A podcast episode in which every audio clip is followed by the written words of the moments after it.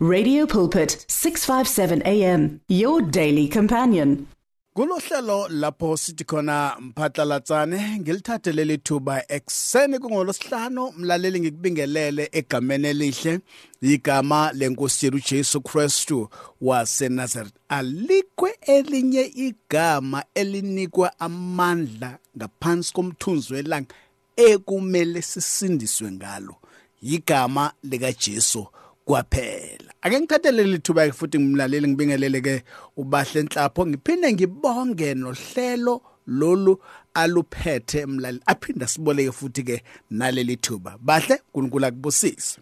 Mlaleli sisaqhubeka ke nendaba yethu etholakala lapha yana kuHagai.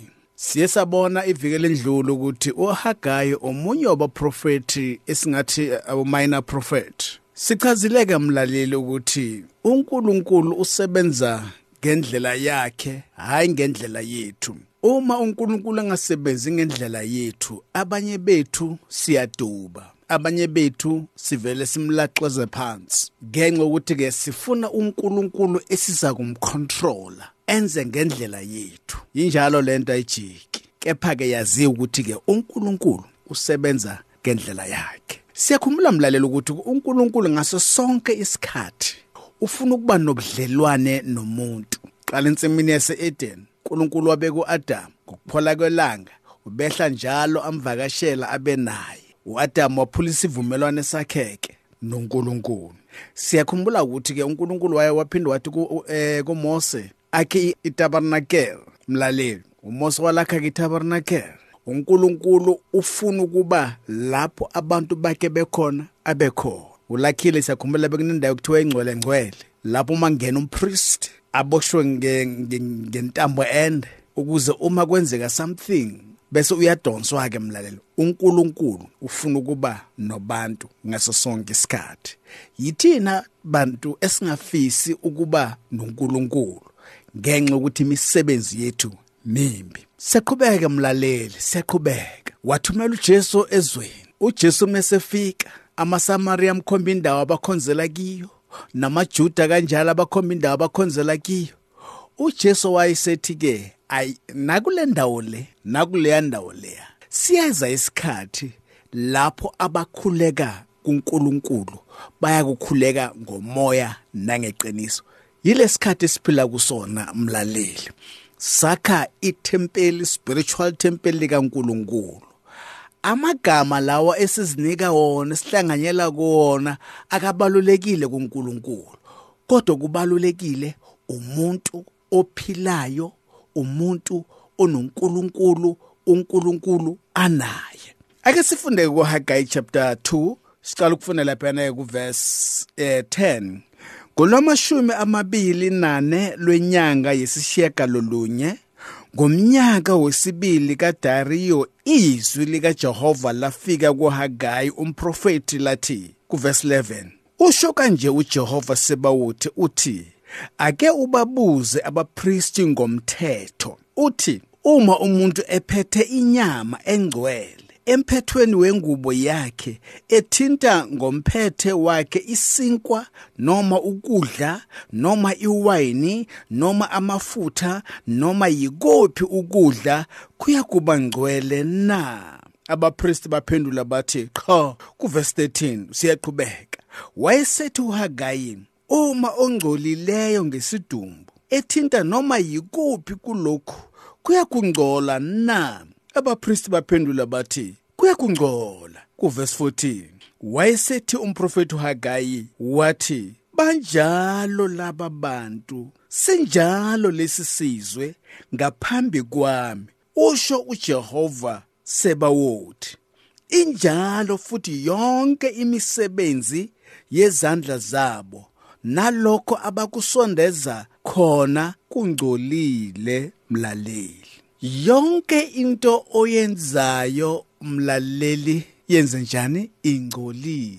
uNkulunkulu uma abheke abantu bakhe uma abheke isizwe sakhe abantu abathi siyazi abantu abathi thina sinendlela yethu. Kepha la uNkulunkulu usethumela umprofeti uHagai ukuthi aye esizweni sakhe. Ababuze ngomthetho abawufundileyo abapriest. uNkulunkulu usethi ke uma sebaphendulile abapriest ngomthetho abawaziyo izwi lenkosi lithi ke uJehova wayesethi ke banjalo laba bantu bangcolile ngamayamagama senjalo lesisizwe ngaphambi kwami kamagama senjani nazo singcolile. Usho uJehova injalo futhi yonke imisebenzi yezandla zabo yenze njani? Ingcolile mlaleli. Nalokho abakusondeza khona kwenze njani nako? Kungcolile.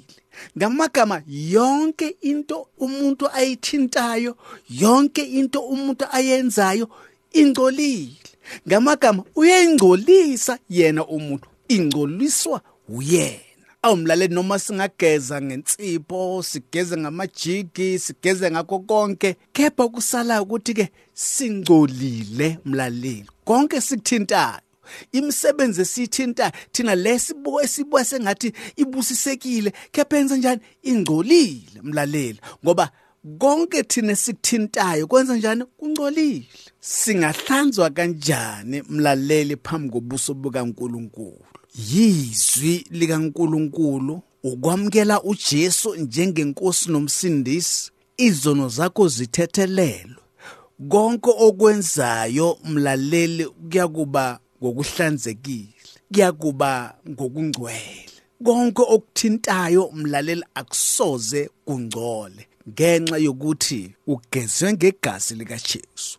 Umamkelile uJesu njengenkosi nomsindisi. Mlaleli uma ufunda kuba Hebrew. Izwi lenkosi lithi ke igazi lemihlatshelo alizange libe namandla okususa izono zethu. Konke lokho ebekwenziwa abapriest ngaleza inkathi ku-Old Testament akuzange kube namandla ukususa izono zethu. Uyalazi lelo culo futhi umlaleli sihlabelela njalo enkonzweni? Igazi le behlatshelo ada da da juta ayiko sihlabelele size singene emoyeni kepha uhlanziwe yini ngegazi lika Jesu ngokuba uma kungenjani konke okuthintayo nanoma wena ubona sifu ngathi kubusisekile kepha phambi kobuso bukaNkuluNkulu ungcolise konke.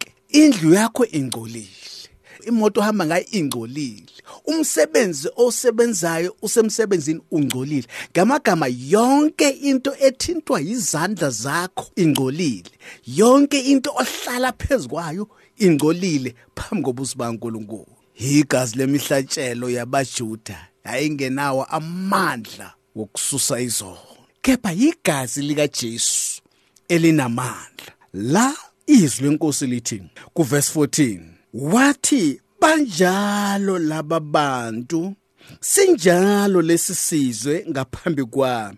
Usho uJehova injalo futhi yonke imisebenzi yezandla zabo nalokho abakusondeza khona kungcolile. Abayibeli sithakathiwe thina hey yonke into esibambayo hey ayiphumeleli. Hey kwasha kwacima. Hey kwasha kwaciba.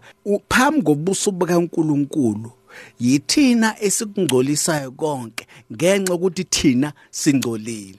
Asimamkelanga uJesu njengenkosi nomsindisi ngokuba izwi lenkosi lithi ke linye igama esinikwe lona.